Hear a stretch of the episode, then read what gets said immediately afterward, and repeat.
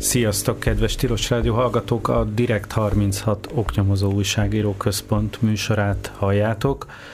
Egy egészen friss, meleg, ropogós, egyben szenzációkban gazdag anyagról fogunk beszélgetni. A cikknek, ami ma reggel jelent meg, az a címe Ilyen volt belülről az ellenzéki kampány összeomlása. Ezt talán tovább nem is kell magyarázni. Az viszont mindenképpen feltűnő, hogy ennek a cikknek, ha jól számolom, azt mondja, hogy 1, 2, 3, 4, 5 szerzője van. Jól számolom? Jól számolom. Bólogatnak a kollégák. Szabó András, Panyi Szabolcs, Macsasovszki Fanni, Szőke Dániel és Pető András írták ezt a cikket, és abban a szerencsében van részünk, hogy ebből az ötös fogadból hárman itt vannak a stúdióban. Kérem, hogy mutatkozzatok be, és addig be tudom lőni a mikrofon szinteteket is. Sziasztok, én Fanni vagyok. Sziasztok, Szabó András vagyok. Üdvözlöm a hallgatókat. Sziasztok, Szőke Dániel. Uh-huh, jó, mindenkire adok egy kis egy kis kakaót. Én Nádori Péter vagyok, szintén a Direkt 36 munkatársa, de nem újságíró, és nem is szerkesztő, hanem a, a kiadói oldal munkatársa, a, már csak ezért is nagy megtiszteltetés, hogy én lehetek az, aki kérdezi a, a kollégákat. Szeretnék majd egy egész picit ennek a, a cikknek a módszertanával foglalkozni, de mielőtt ebbe bele csobbannánk, egy ilyen egész egyszerű kört hadd kérjek szépen. Mi volt a legsokkolóbb információ számotokra egyenként, ami ennek a munkának a során mm, fölbukkant? Ja, kezd, kezdhetem, hát nekem ilyen több-több hulláma volt a soknak. Tehát, hogy az első, az első hullám az engem ott, ott ért, hogy viszonylag én rég, régóta foglalkozok politikai újságírással, de még mindig, mindig, mindig nehezen szakom meg, hogy mennyire más kormánypárti és ellenzéki figurákkal beszélgetni.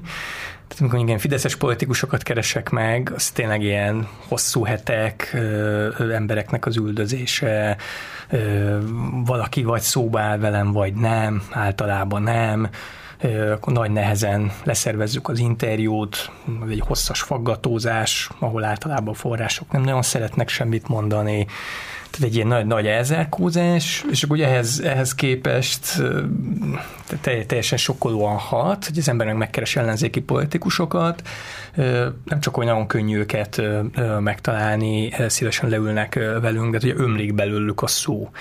És itt ugye április harmadika után voltunk, ugye ez a óriási, óriási választási vereség után, és ugye ez, ahogy egy egymás között beszélgettünk mi újságírók, így, így, így többünk azt a kifejezést használta, hogy hát ilyen, ilyen, ilyen terápiaszerűek voltak ezek a beszélgetések. Nekem volt is konkrétan egy pártpolitikus, aki ki is mondta, hogy hú, milyen jó volt dumálni, hát szinte olyan volt, mint egy, mint egy, mint egy terápia.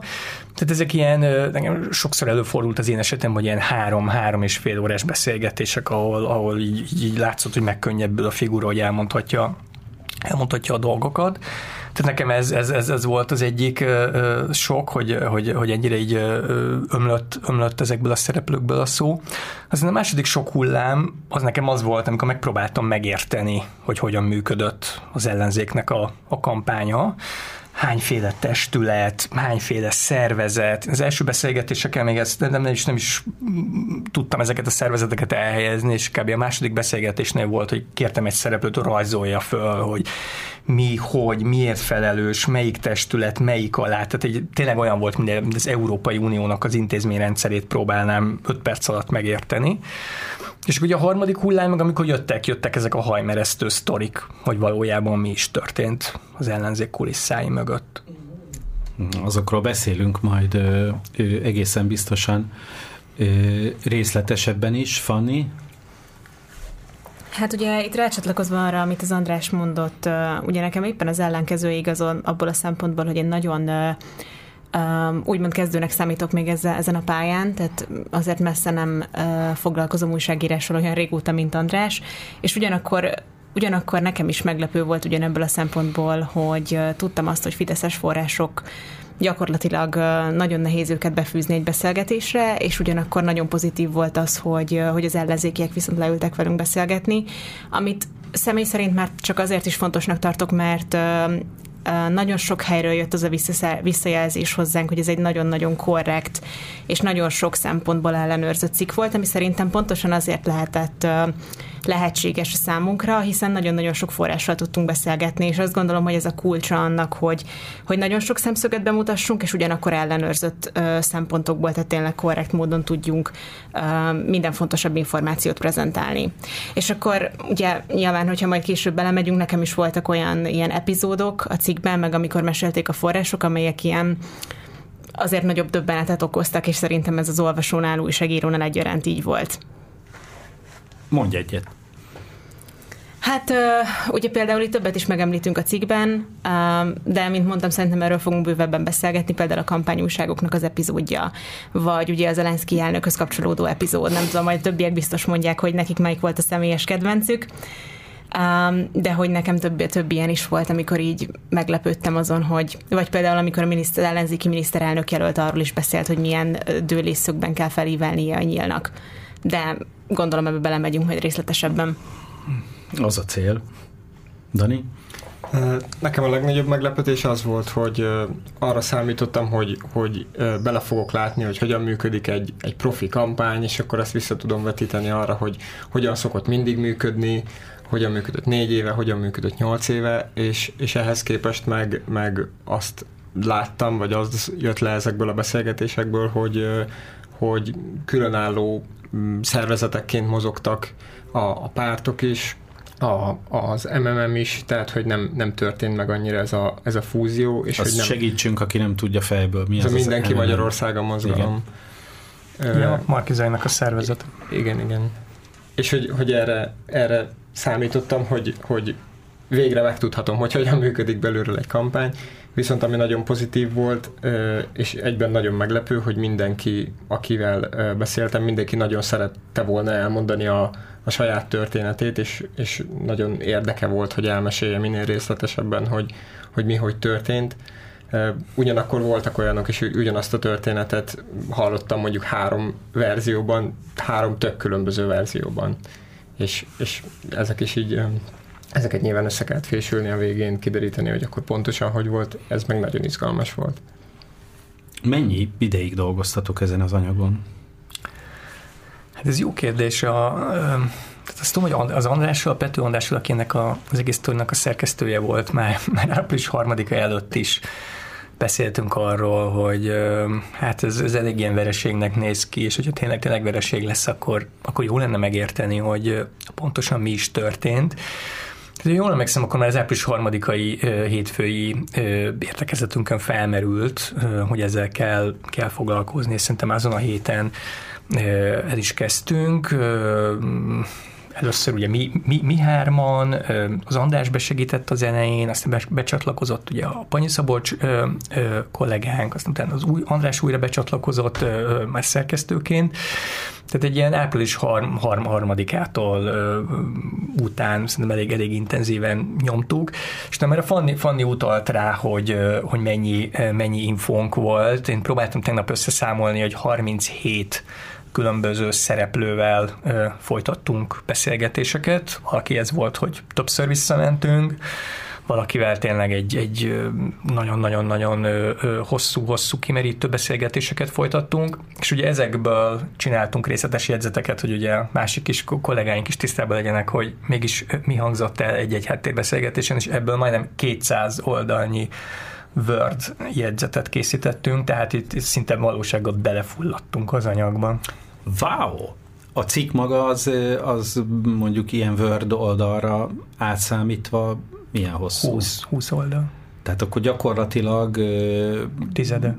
a 90%-át azt a lepárlás során elveszítettük, annak érdekében, hogy egy igazán tartalmas, és még mindig nem szélsőségesen rövid igen, cikket kapjunk. Igen, de valahol, valahol meg nem, mert, mert azért nagyon sok történet ugye visszajön ezekbe a jegyzetekbe, tehát van, van, van, van egy-két párt, akinek tényleg leülünk a politikusaival, és szinte úgy, ugyanazokat a történeteket emelik ki, ugyanúgy mesélik el a dolgokat, valaki részletesebben, mert ott volt egy ülésen, valaki egy másik ülést magyarázott el részletesebben, de azért nagy átfedés volt ezek között a jegyzetek között.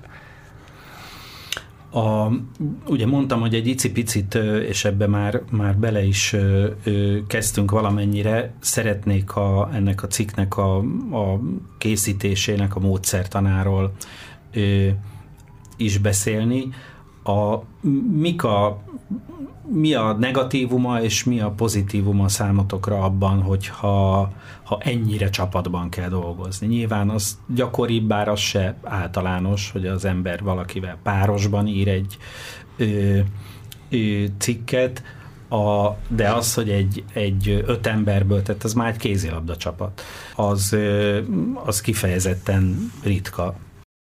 Mi, mi ebben a jó, és mi esetleg az, ami, ahogy mondani szokás, kihívás?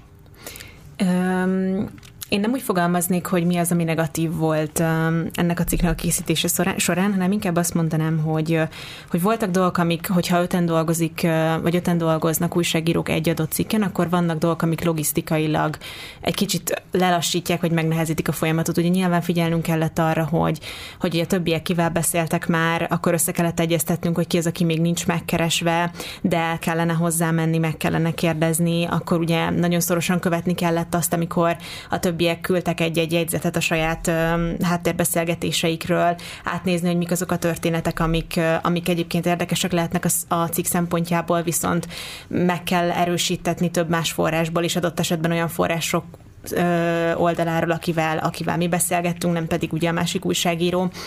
És hát ugye a végén, ami, a, ami az Andrásra hárolt feladat, ugye én ebben nem látok bele, de alapvetően azt gondolom, hogy ez biztos nagyon ö, nagy kihívás lehetett a Pető Andrásnak, hogy ezt, ezt a hatalmas anyagmennyiséget összefésülje egy, egy ilyen konzisztens, és mégis egy ilyen nagyon, nagyon sokoldalú, sokrétű formátumba.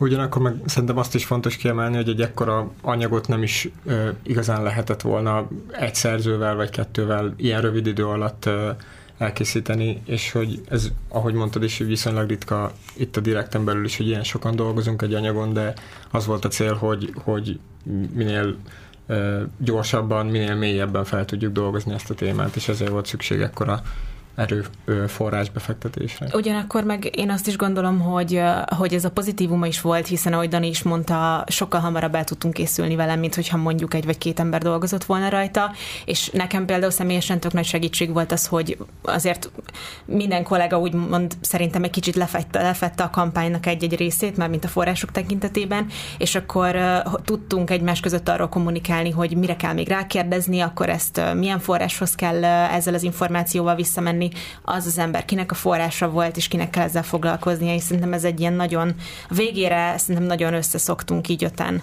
Majd a fiúk megmondják, hogy egyetértenek-e. Így van. Beszélgettünk az előbb a, a, azokról a kihívásokról, amiket amiket le kellett küzdenetek ennek a, a cikknek az elkészítése során.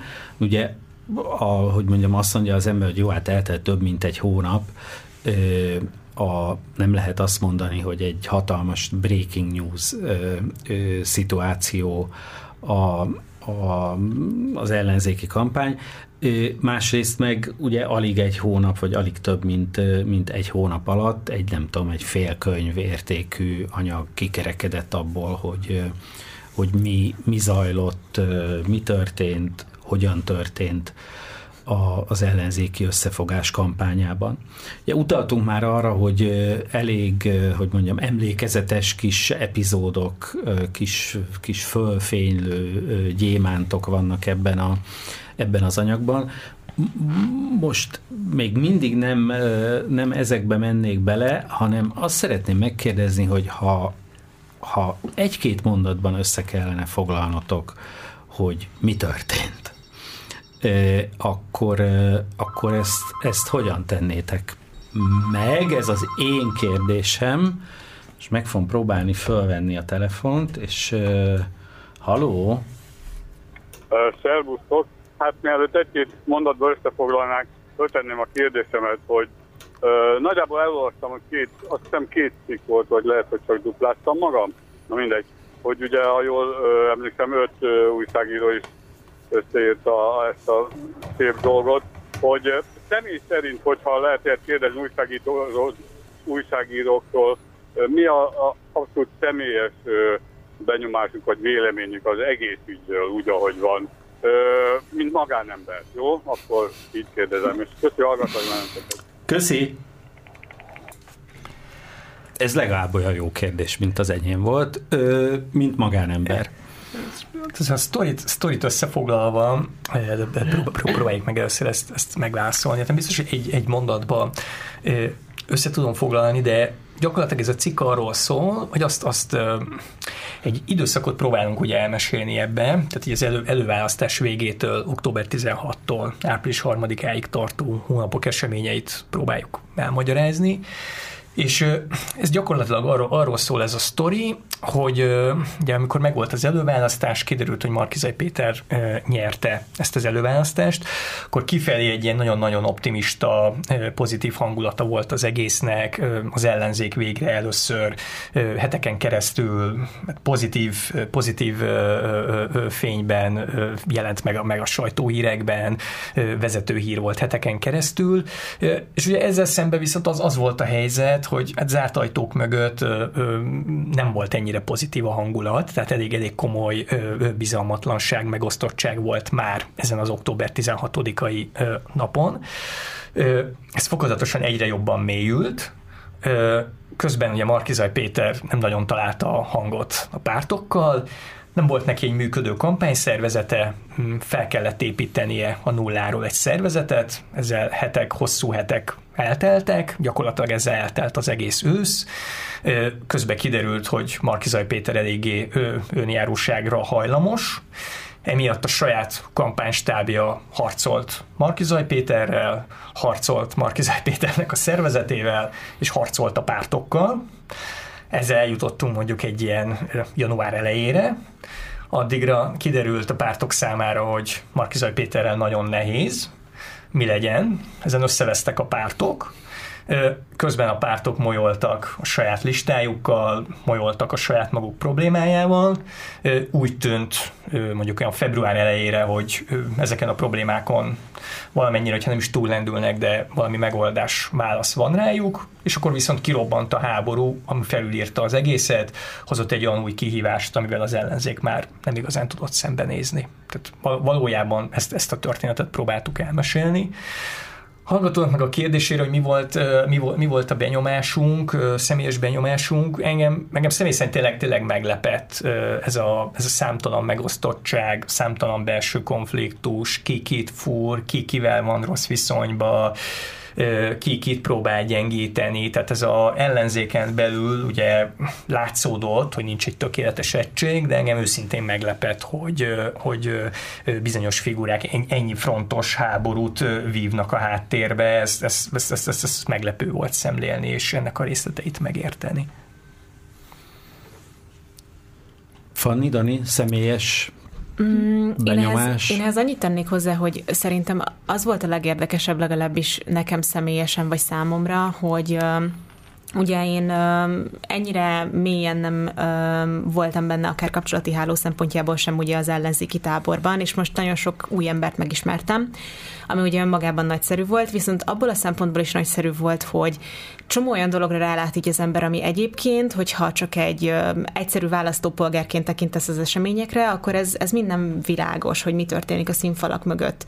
Még akkor is, hogyha egyébként voltak természetesen információmorzsák, hogy itt az ellenzéki kampány időszaka alatt volt példa szivároktatásra is, de ugyanakkor teljesen más az a kép, amit az ember általánosan kap ezekből az információmorzsákból, illetve a sajtóból, és teljesen más, amikor az ember bele tudja ásni magát. És azt gondolom, hogy azért olyan információkra derült itt fény, amit, amit választópolgárként is tudni kell ahhoz, hogy, hogy felmért, hogy milyen lehetőségeid vannak a közéleti szintéren. Tehát teljesen magánemberként, teljesen úgy nézve, hogy na akkor milyen lehetőségeim vannak, kikre tudok elmenni szavazni, ki az, akinek megadnám a bizalmamat, és azt gondolom, hogy ez most egy kicsit ilyen klisészerűen hangzik, de hogy tényleg ebben játszik igazán nagy szerepet az ilyen független oknyomozó újságírás, hogy megmutatja azt is, hogy igen, ez történik mondjuk a kormányzati oldalon, de ugyanakkor az ellenzéki oldalon is van rengeteg-rengeteg olyan dolog, amiről tudni kell tényleg egy, egy egyszerű választópolgárként, nem csak újságíróként. Próbáljuk ezt a szakadékot áthidalni, és nem mondj nevet,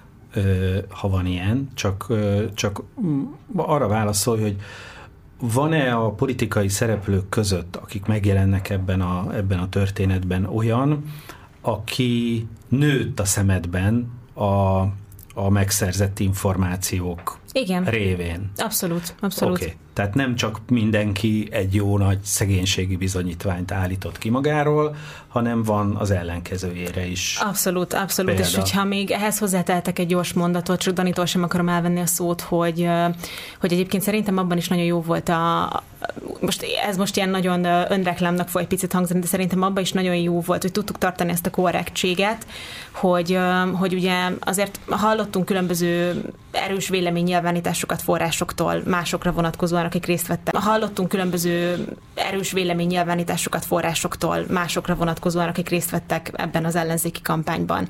De, de ugyanakkor meg szerintem pont az volt az erősség a cikknek, hogy mivel ennyiféle és ennyire sokszínű forrás uh, gárdához, ha lehet így mondani, el tudtunk menni, tényleg nem, tehát nem, is, nem is törekedtünk arra, és nem is törekedhettünk arra, hogy megmutassuk, hogy ki kiről mit gondolt, hanem tényleg tényszerűen le tudtuk írni, hogy, hogy mi történt. És persze ebben benne van az is, hogy mondjuk hal negatívumot valakiről az ember, és ugyanakkor meg szembesül azzal, hogy hát az nem biztos, hogy teljesen úgy volt, és, és lehet, hogy, hogy volt, volt pozitívum is egy-egy szereplővel kapcsolatban, csak a másik oldalról is meg kell hallgatni a történetet.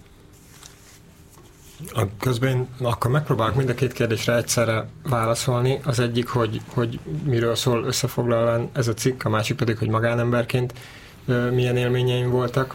Nekem a környezetemben, meg, meg bennem is volt egy olyan élmény április harmadikán, meg április negyedikén, hogy, hogy ez hogy lehet. Ilyen nagyarányú vereséget hogyan szenvedhetett az ellenzék, és azt hiszem, hogyha nagyon röviden össze kell foglalni, akkor arról szól ez a cikk, hogy hogy, hogy lehet. Ezt próbáltuk megmondani. Nyilván ez egy hosszabb időszak, tehát nem lehetett egyszerűen megválaszolni ezt a kérdést.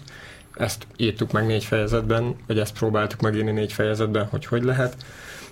A másik pedig, hogy magánemberként nekem, nekem több olyan momentum is volt, amikor, amikor beszélgettem forrásokkal, amikor olyan történeteket meséltek, a, amiknek a hatására kicsit így ki is estem a, a szerepemből, hogy elmesélték, és, és hogy így ne, ez tényleg megtörtént, és hogy így nyilván gyorsan összeszedtem magam, de hogy, hogy nyilván hat ez magánemberként is az emberre nem tud végig újságírói szerepben maradni, legalábbis én nem tudtam, szóval nyilván ez, ez ennek van magánemberként is hatása. De ez mit jelent a gyakorlatban? azt a lapjába verted a fejedet?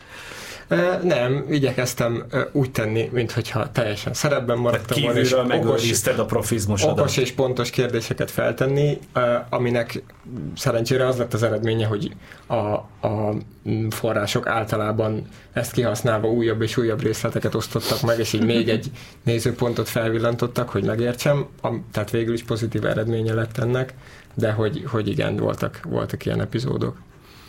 Benyomunk gyorsan még egy zenét, és utána a következő körben viszont akkor villancsuk már föl ezeket a már többször emlegetett legemlékezetesebb epizódokat, amik, ami ugye mindegyik olyan, amiről abszolút először lehet olvasni ebben a cikkben, és hát elég tanulságos is, meg elég érdekes is mindegyik.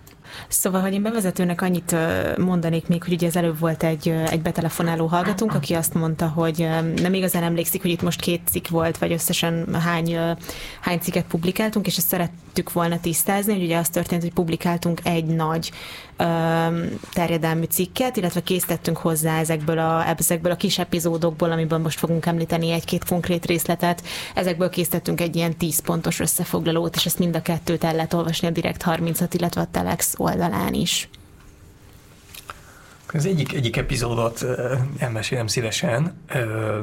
Én leginkább a cikk alatt, amivel leginkább szerettem foglalkozni ezek a hat párt vezetőjének a, az értekezletei, amiken pár, pár esetben ott volt Markizaj Péter is, és az egyik ilyen legizgalmasabb pártelnöki értekezlet az január elején volt, Ugye január elején az ennek az egésznek a kiinduló szituációja, hogy ugye Markizai Péter még ősszel bedobta, hogy ő szeretne egy hetedik frakciót, közben a pártoknak listát kellett volna összeállítani, most akkor lesz hetedik frakció, nem lesz hetedik frakció, Markizai Péter kéréseivel mit, mit kezdjünk.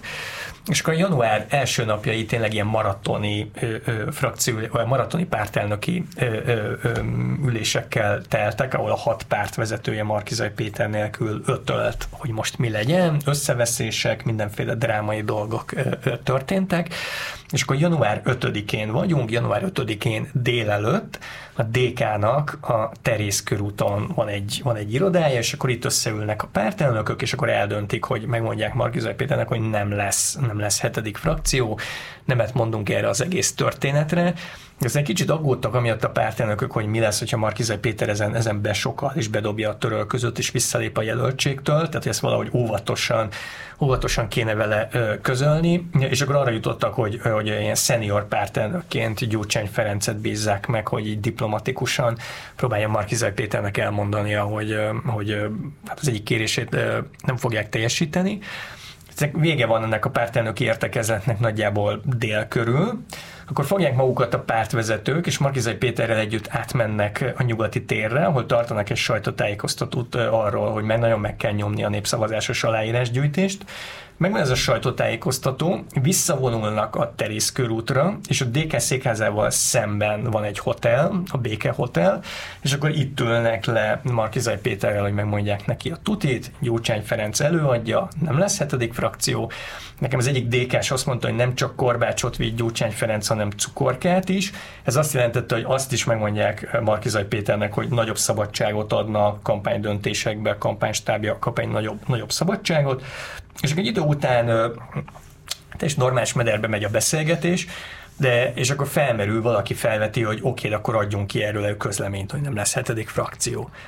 És akkor Markizai Péterek felveti, hogy de hát ezt muszáj kifelé ö, ö, kommunikálni, mert hát ez ilyen számára az nagyon-nagyon megalázó, hogy így a kéréseiből nem lesz semmi, pártok beintenek neki, hogy ez neki így nagyon ciki. És akkor mondják a pártok, hogy de, de hát ezt muszáj, muszáj, muszáj mindenképpen így, így, így kommunikálni. És akkor ez, ezen a ponton így Markizai Péter felpattant. Nekem az egyik ilyen lévő azt mondta, hogy, hogy szegénynek ugye épp el volt törve, a, a keze be volt gipszelve, ezért a lábával, lábával rúgta ki maga alól a, a széket, kíséretével együtt kivonul, és akkor Jakab Péter még, még utána kiabál, hogy kormányon is ez lesz, hogy mindig ki fogsz vonulni. Akkor ez ilyen szomorú, hát, nem ez lett. Szomorú, szomorú véget ért ez a, ez a, ez a pártelnök értekezlet. Hát egy másik emlékezetes történet vagy epizód volt, amiből szintén hogy több forrás is mesélt nekünk erről. Ez ugye a kampányújságoknak a története, hogy egészen pontosan hogy alakult ezeknek a szerkesztése.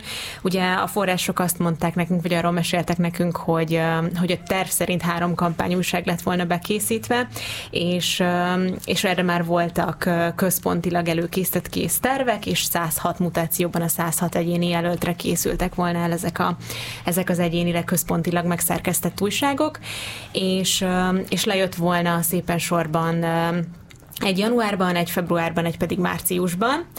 Um, és valóban ugye az első, az első um, kiadvány az meg is jelent um, januárban a központi kampánystáv által megtervezett tervek szerint. Ugyanakkor um, a Márkizai Péternek ezek a tervek, ezek a, ez a kész, elkészített kampányúság, ez nem tetszett. Azt jelezte a kampánystáv felé, hogy ez olyan, mint egy több oldalas szórólap, és attól tart, hogy ezt a választók egyből ki fogják dobni a kukába. És azt javasolta, hogy ehelyett egy, egy, egy bulvárosabb, vagy bulvár jellegű um, hagyományos tartalmat újságot kellene előállítani, viszont sem a pártok, sem pedig a kampánysebb részéről nem volt ezzel maradéktalan egyetértés.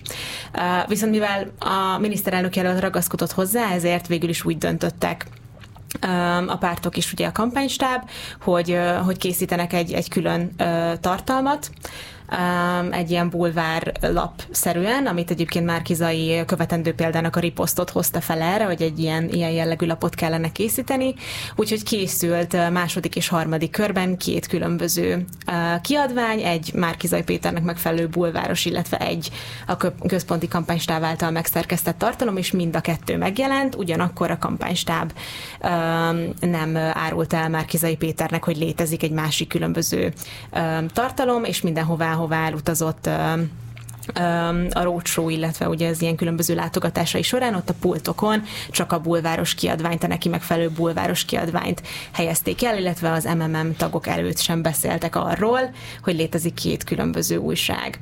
Itt most bocsánat, de hadd szóljak közbe az olvasók, a hallgatók és a normális emberek képviseletében. Mi? Tehát, hogy nem mondták meg a miniszterelnök jelöltnek, hogy milyen kampányanyagot terjesztenek annak érdekében, hogy ő, ő rászavazzanak az emberek? Így van, így van. Tehát készült... De ilyet lehet? Ezek szerint lehet. Sőt, hogy tetézzem az egészet, de mi ugye voltunk Markizai Péternél, hogy kérdéseket tegyünk föl neki, és, és ugye tudjon reagálni a, a cikk legfontosabb állításaira és rákérdeztünk erre az újságra, hogy tudott-e róla, hogy, hogy, hogy eltitkolták előle az újságot, és hát mondta, hogy nem, hiszen ezek szerint a kérdésem alapján akkor eltitkolták előle, akkor, akkor nem, nem, nem, nem tudott róla. Tök logikus. Fölveszem a telefont. Igen? Sziasztok, nagyon jó. Jó volt a kérdés, majdnem ezt akartam én is kérdezni. Először is köszönöm az előző kérdésemre adott válaszokat megint egy személyes lenne, ha gondoljátok ezt majd a végén a lezárásként, hogy Hát nagyon szomorú történet, én azt gondolom, nagyon szomorú, borzasztó. Nem most az, hogy elkeserítő, hanem az, hogy, hogy, hogy megint az jött be, hogy nem képesek az emberek összefogni, és, és én egyszer hallottam valakitől azt mondta, hogy az embernek a legnagyobb problémája az egója. Hogy véleményetek szerint, és akkor megint személyes vagy akár újságírói vélemény, a végén közvetítenétek, vagy mondanátok, hogy mi lett volna egy, egy helyesebb vagy egy jobb út az összefogás mentén? Hogy látjátok ezt? Köszi, és akkor nagyon jó műsor. Köszönjük szépen. A, a, én is terveztem egy olyan blokkot, amit majd azzal fogok felvezetni, hogy ti persze riporterek vagytok, nem politológusok, de úgyhogy szerintem erre a, erre a részére a dolognak majd abban a, abban a blogban vissza fogunk tudni térni. Köszönjük szépen! Én is elmesélem a kedvenc történetemet. Igazából azért is nagyon igyekeztem ezt nagyon plastikusan megírni, meg nagyon, nagyon részletesen, mert a, az én fejemben ilyen akciójelenetként jött létre, amikor, amikor több forrástól is hallottam. Ez um, március végén történt, március 27-én, egy vasárnap este, egészen pontosan, és az történt, hogy az M7-es autópályán száguldott lefelé egy autó a, az ellenzéki kampánynak három nagyon fontos emberével, Gályé Zoltánnal, Sima Andrással és Marosi Gergővel, és ez a három ember néhány órával korábban tudta meg, hogy, hogy könnyen lehet, hogy a kampánynak az egyik legfontosabb történése fog megtörténni aznap este, ugyanis a mm, Márkizaj Péternek a, a legszűkebb köre, a Mindenki Magyarországon mozgalomnak a képviselői leszerveztek egy találkozót az ukrán elnökkel, Volodymyr Zelenszkivel, anélkül, hogy ez a három fontos kampányember tudott volna erről. Nekik mi volt a posztjuk, vagy a feladatuk a kampányban egyébként? Kommunikációs, illetve kreatív szakemberek voltak mind a hárman. Tehát, hogy ha valakinek, akkor nekik tudniuk kellett volna erről. Jóval korábban te, volt, volt korábban tervben ez a találkozó, és az volt a terv, hogy nagyon részletes kommunikációs tervet dolgoznak ki arra, hogy, hogy milyen válaszokat adjon a jelölt, mi, milyen válaszokat ne adjon, pontosan hogyan fogalmazzon. Hát erre a kommunikációs tervre maradt az a két-három órájuk, amíg Budapestről leértek eh, Siófokra, az autóban raktak össze egy ilyen tervet, és aztán leértek Siófokra, és a, az ellenzéki Siófoki körzetben eh, győztes jelöltnek eh, Potocskáni Körös Janitának az irodájában találták meg Márkizaj Pétert, amint idegesen készül a, a találkozóra, és akkor, akkor adták át neki ezt az anyagot, amit ugye nagyon gyorsan kellett összerakniuk, és amikor eljött volna a megbeszélt időpont, hogy felvegyék a kapcsolatot az ukrán elnöknek a, a körével, akkor ez nem sikerült, többször próbálkoztak, nem tudták, hogy mi lehet a gond, és kiderült, hogy a, az ukrán elnöknek, meg legszűkebb körének le kellett menni az óvóhelyre, ugyan a, a, ugyanis a, aznap este egy nagyon heves bombázás volt éppen Kijevben, és, és emiatt nem tudtak reagálni. Aztán még több órán keresztül próbálkoztak azzal, hogy létrejön ez a hívás, de ez végül nem történt meg soha. Úgyhogy ez a találkozó ez nem valósult meg, de ennyi múlott igazából, és, és azt már nyilván soha nem lehet megmondani, hogy mi hangzott volna el, mi nem hangzott volna el. Ilyen, ilyen párhuzamosságok is voltak ebben a kampányban.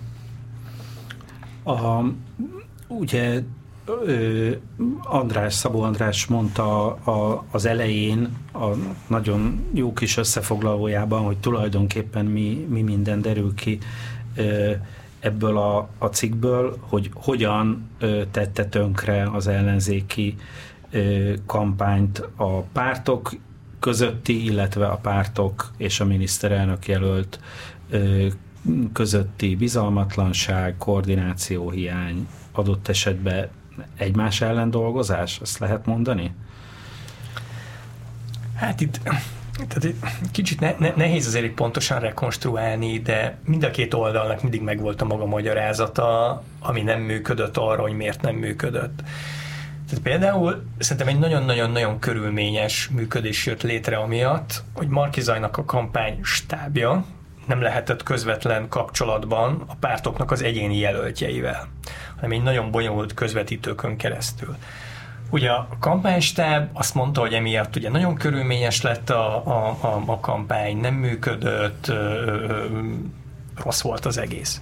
De bocsánat, de, de bocs, hogy közbevágok, de az, hogy ez így lett megkonstruálva, annak nyilván a bizalmatlanság az eredője. Igen, tehát ugye nyilván azt mondja a kampánystep, hogy a bizalmatlanság, a pártok, a DK meg a Jobbik, akik ezt leginkább ellenezték, ők viszont azt mondták, hogy ez a kampánystáb egy, egy tök új valami volt, nem volt szakmai tapasztalatuk, nem, nem csináltak ezek az emberek az elmúlt évtizedekben politikai kampányokat, a Jobbik meg a DK csinált.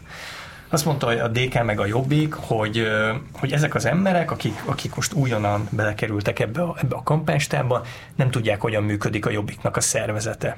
Nem tudják, hogyan működik a DK-nak a szervezete. Uh-huh. Ha ők írnak egy e-mailt, nem fogják végrehajtani a DK-s meg a Jobbikos emberek, így lenne a legjobb azt mondja a DK, hogy ha ők kaptak egy e-mailt, 5 percen belül körbeküldték az egész szervezetnek, és kész. Tehát ugye mind a két oldal, ugyanez volt például az epizód végül nem, nem került bele a, a sztoriba a pénz, a kampánytámogatás. Hmm.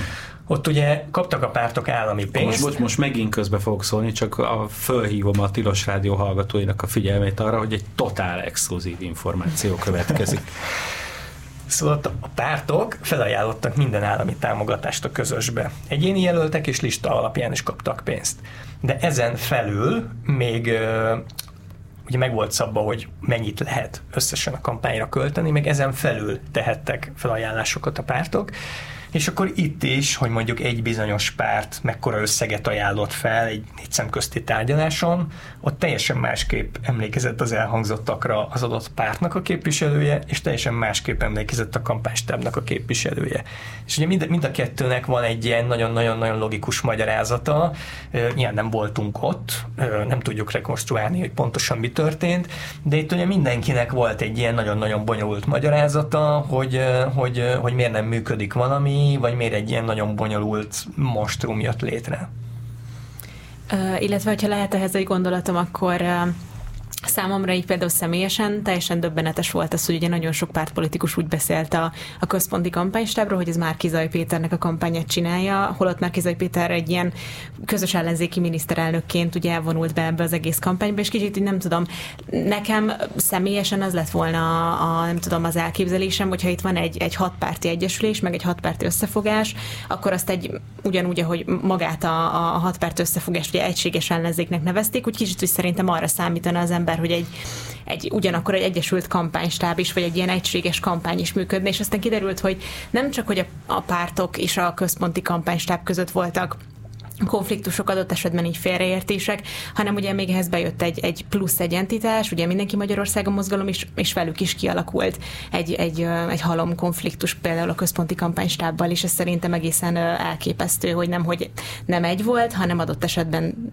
több kicsi még ugyanehhez kapcsolódva azért is nagyon nehéz szerintem ebben igazságot tenni, és nagyon jó is, hogy nekünk nem kell ebben igazságot tenni, mi csak megmutattuk, hogy igyekeztünk megmutatni, hogy mi történt, hogy, hogy volt olyan forrás, aki, aki úgy fogalmazott, hogy, hogy jó, vannak a pártok, és akkor jön egy külső szereplő az MMM személyében, semmi gond, mi vagyunk a pártok, mi majd megmutatjuk, hogy hogyan működik ez a terep, mi itt vagyunk évek, évtizedek óta, segítünk nekik, elmondjuk a játékszabályokat.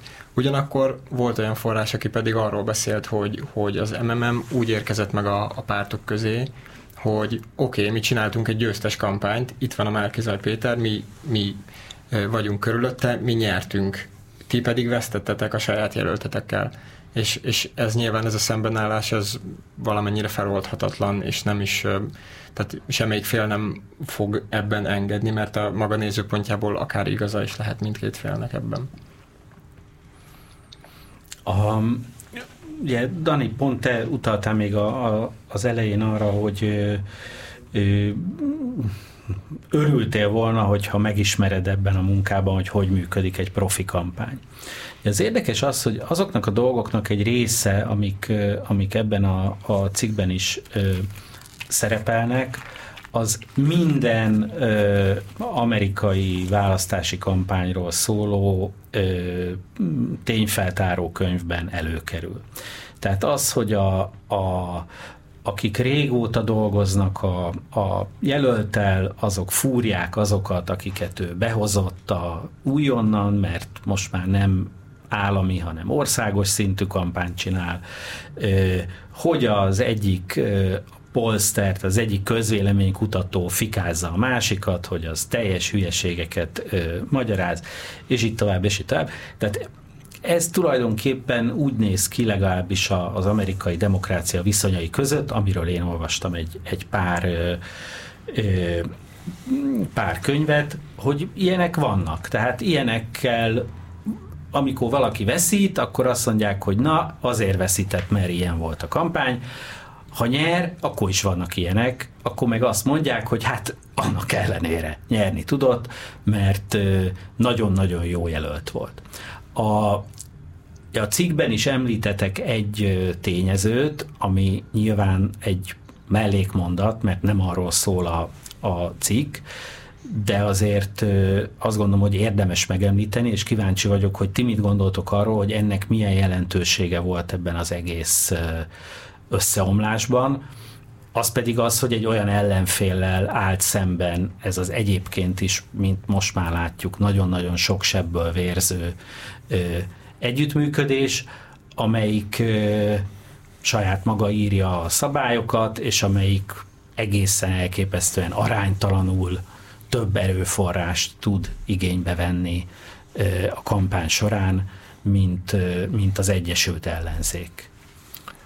Igen, tehát ez egy kicsit, kicsit ez így olyannak tűnik az egyik oldalon, hogy a Fidesz oldalán lenne egy ilyen nem csak az erőforrás beli fölényre gondolok, hanem egy ilyen óriási tapasztalat alapján, nagyon jól begyakorolt sémák alapján működő tökéletes kampánygépezet, tehát, mint hogy nem tudom, mondjuk egy multinacionális vállalat, aki évtizedek óta csinálja, és évtizedek óta tudja, hogy, hogy, hogy hogyan kell, nem tudom, egy, egy terméket előállítani, vagy hogyan kell egy tevékenységet elvégezni, mert ők, mert ők tényleg ezt csinálják évtizedek óta, meg vannak a legprofibb szakemberek, meg vannak a legprofibb módszerek.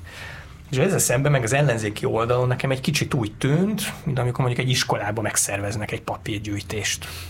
Nem csináltuk még nagyon, próbáljuk meg, lesz valami, én eljöttem, néha figyelek is az utcára, hogy van-e valami papír, de azért közben a telefonommal is játszok, nem mondhatják, hogy nem vagyok itt, mert valójában eljöttem, nem feltétlenül az a célom, hogy összegyűjtsem az összes papírt, itt vagyok, Szóval, tehát ez, a, ez ilyen jó szándékú amatőrizmus vette, vette körbe, és a másik oldalon meg ugye pörgött ez a, ez, ez a nagyvállalati profizmus. Tehát ezt szerintem fontos tisztázni, mielőtt arról kezdenénk beszélni, hogy milyen, milyen nem tudom, erőfölények, mennyi média, mennyi erőforrás, tehát ott, ott tényleg azért a Fidesz oldalán volt, tehát ők már elkezdtek erre készülni két évvel a választás előtt. Két évvel már rendet raktak, két évvel ezelőtt kitalálták, hogy mi lesz a stratégia, mik a gyengék, hol kell lecserélni a szereplőket, neki kell állni mondjuk fejleszteni a közösségi médiát, hogy kell fejleszteni, arra milyen intézményrendszert hozunk létre. Tehát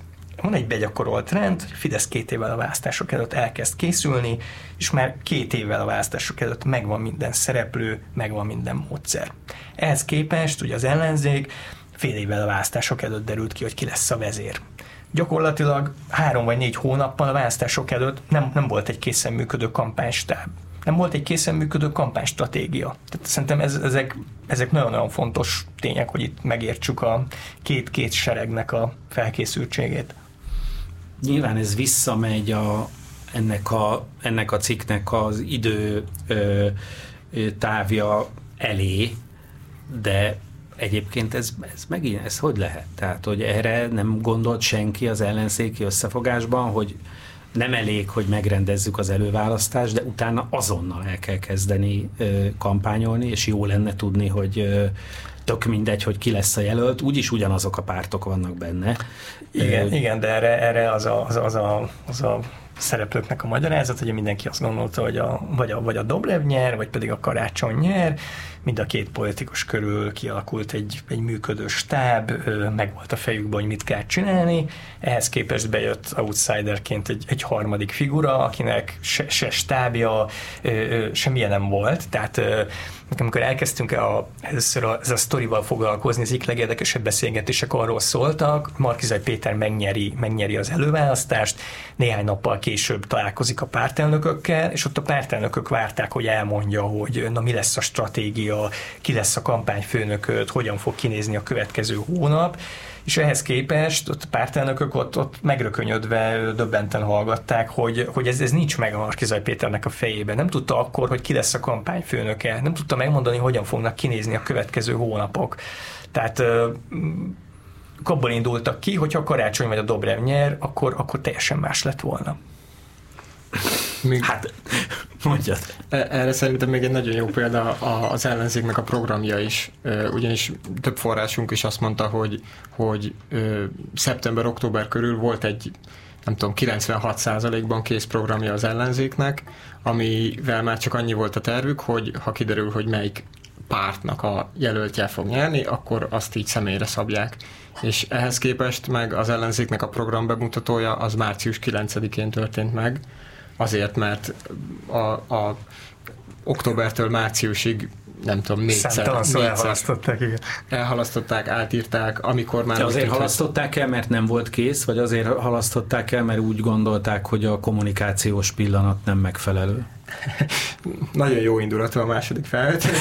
Nem volt kész a program, mert hogy, hogy újra kellett írni többször is nulláról, új javaslatok jöttek, olyanok, amiket már, már lezártnak tekintettek, újra, újra elkezdtek tárgyalni, ilyenek jó párszor megtörténtek.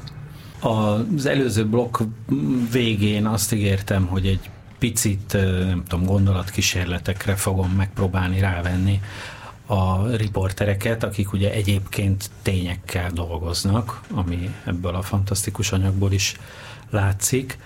A, de olyan mennyiségű információ van nálatok erről az egész történetről, az emberekről, akik benne voltak a történésekről, ahogy ugye mondtátok ki is derült, nem is csak annyi, amennyi a, a cikkben szerepel, sőt, hogy ki mástól kérdezném meg, mint tőletek, hogy szerintetek alakulhatott volna más, hogy ez az egész, vagy mi kellett volna ahhoz, hogy máshogy alakuljon. Van, van-e egy, egy olyan cérnaszál, amit hogyha időben meghúztak volna, akkor kigombolyodik a káosz. Hát végül is ugye a, a cikk ezzel indul, tehát egy ilyen, ilyen jellegű történetet ö, vázoltunk föl, egy ilyen lett volna, ha. Ö, nekem a cikk nyitó jelenetének ugye egyrészt az is célja volt, hogy picit bemutassuk Markizai Péter karakterét, hogy ő, ő milyen figura, mennyi, mennyire hit saját magában, de egy picit azt is, azt is fel, felvázolja ez a, ez a történet, hogy esetleg ez alakulhatott volna másképp is. Ugye a cikk azzal indul, hogy van Kész Zoltán, aki egy régi bizalmas a Markizai Péternek, Markizai Péter szervezetéhez tartozik ugye régóta, Kész Zoltán, és ugye az előválasztás második fordulójának végeredménye előtt elvisz két tanácsadót Markizai Péterhez, egy budai lakásban találkoznak, valahogy a Móricz Zsigmond környékén volt a találkozó, és ez a két, két kampány tanácsadó, ez, ez összeállított egy ilyen anyagot Markizai Péter ö, ö, számára, és Kéz Zoltának az volt a célja, hogy végül is meggyőzze Markizai Pétert, hogy a kampányát erre a két tanácsadóra bízza rá. És ez a két tanácsadó, az egyik Rúf Bálint, aki többek között Botka László szegedi polgármesternek dolgozik, egyébként nyilvánosságban is meg szokott jelenni, interjúkat ad, elemzéseket mond az ellenzék tevékenységéről. Másik szereplő viszonylag inkább háttérben van, róla elég keveset lehet tudni, hogy Tóth Péter, 13. kerületi polgármesternek a fia, aki szintén vitt sikeres kampányokat, és akkor ők elő, előadtak egy, egy, egy koncepciót, hogy, hogy mit kéne a Markizai Péternek csinálni, elmondták például, hogy a lendületet meg kéne, meg kéne őrizni, nagyon fontos ez a lendület, ami, ami, ami megvan, lehetett volna a aktivistáknak egy bulit tartani, amiben fel lehetett volna tartani esetleg október 23-áig ezt a, ezt a lendületet, hogy ott so, sokan megjelenjenek, felvázolták azt is Markizai Péternek, hogy ne kezdjen el pártokkal való egyezkedésbe belemenni, mert le fogják, le fogják darálni.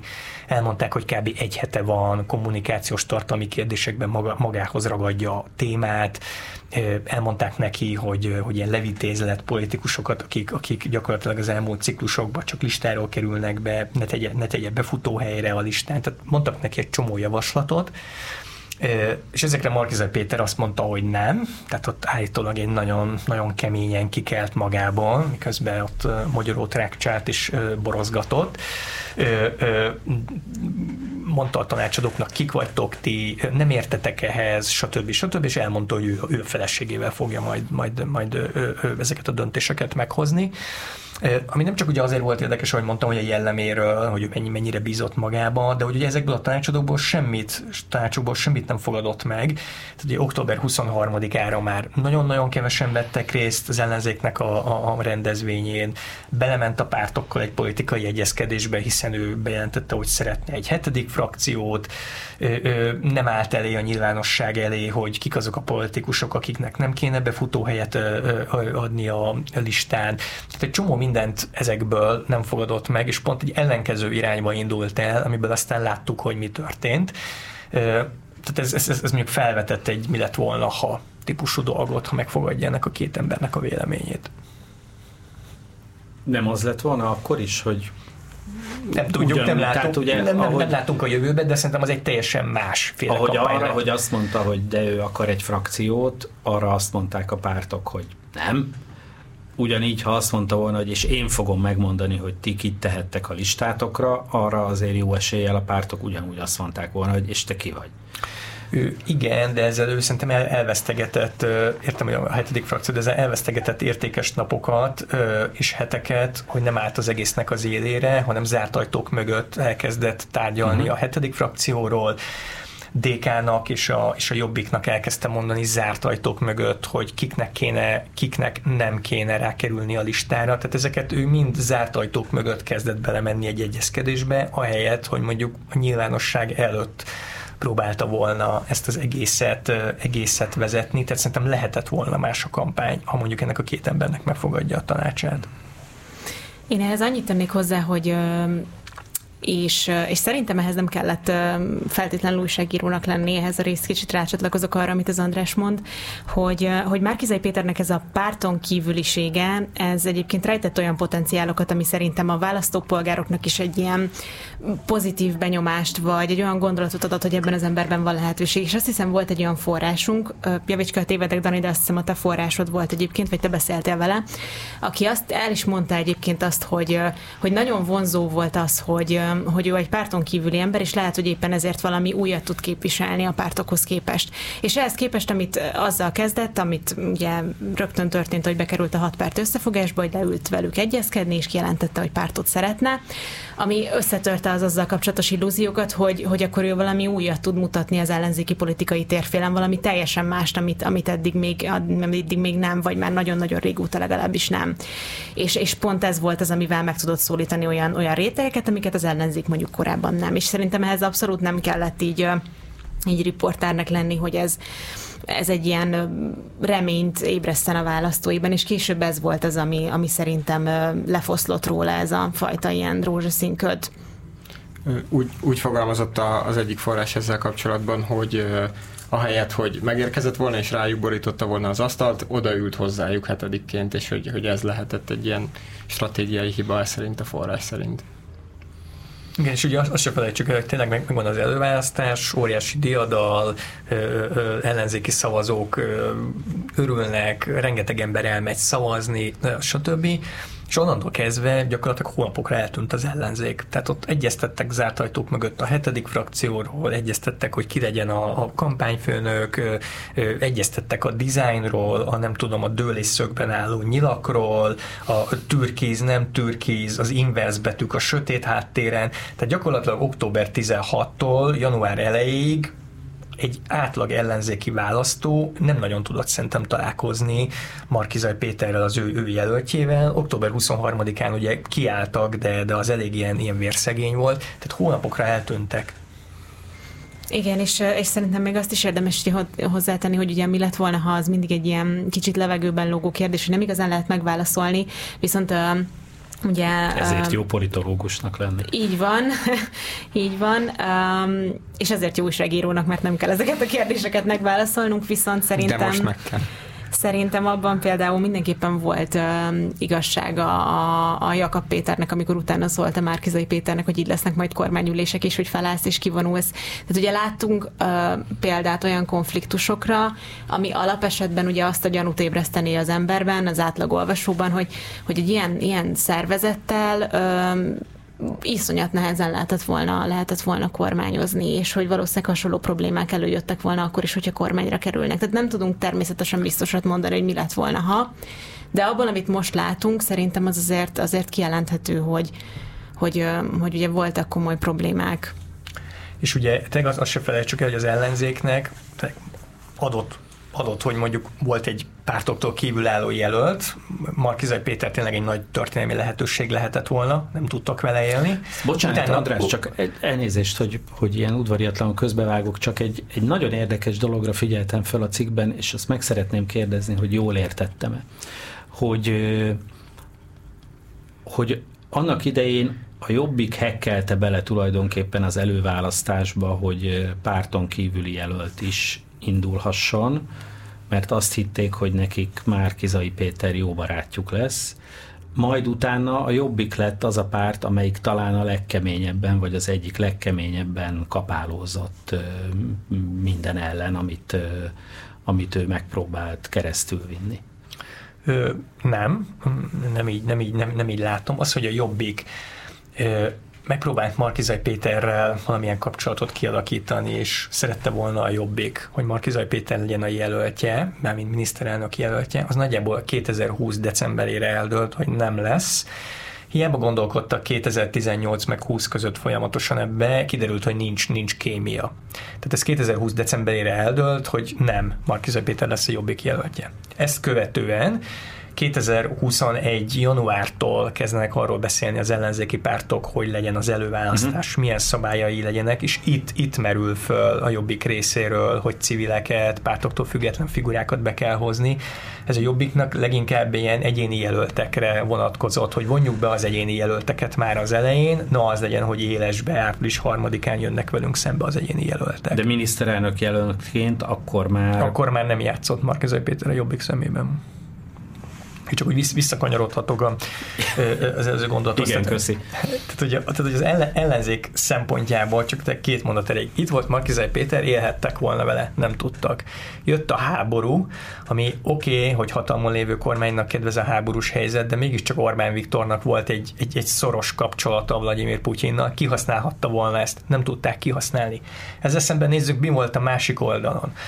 Fideszről mindenki elmondja, hogy tényleg egy anyahajó rááll, rááll egy, egy, egy, nem tudom, egy trekre, egy vonalra, és, és nem, tud, nem tud irányt váltani, ab, abba az egy irányba megy.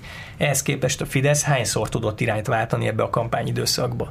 Készültek arra, hogy, hogy, hogy Karácsony Gergely lesz a közös miniszterelnök jelölt, Városháza ügytől kezdve, mozifilm, minden készült, hosszú ideig készültek rá.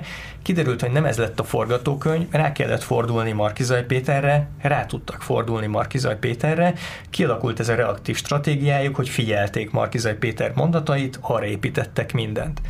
Ezen kívül a Fidesznek az volt a stratégiája, hogy osztogatnak adóemelések, adókedvezmények, fizetésemelések, stb.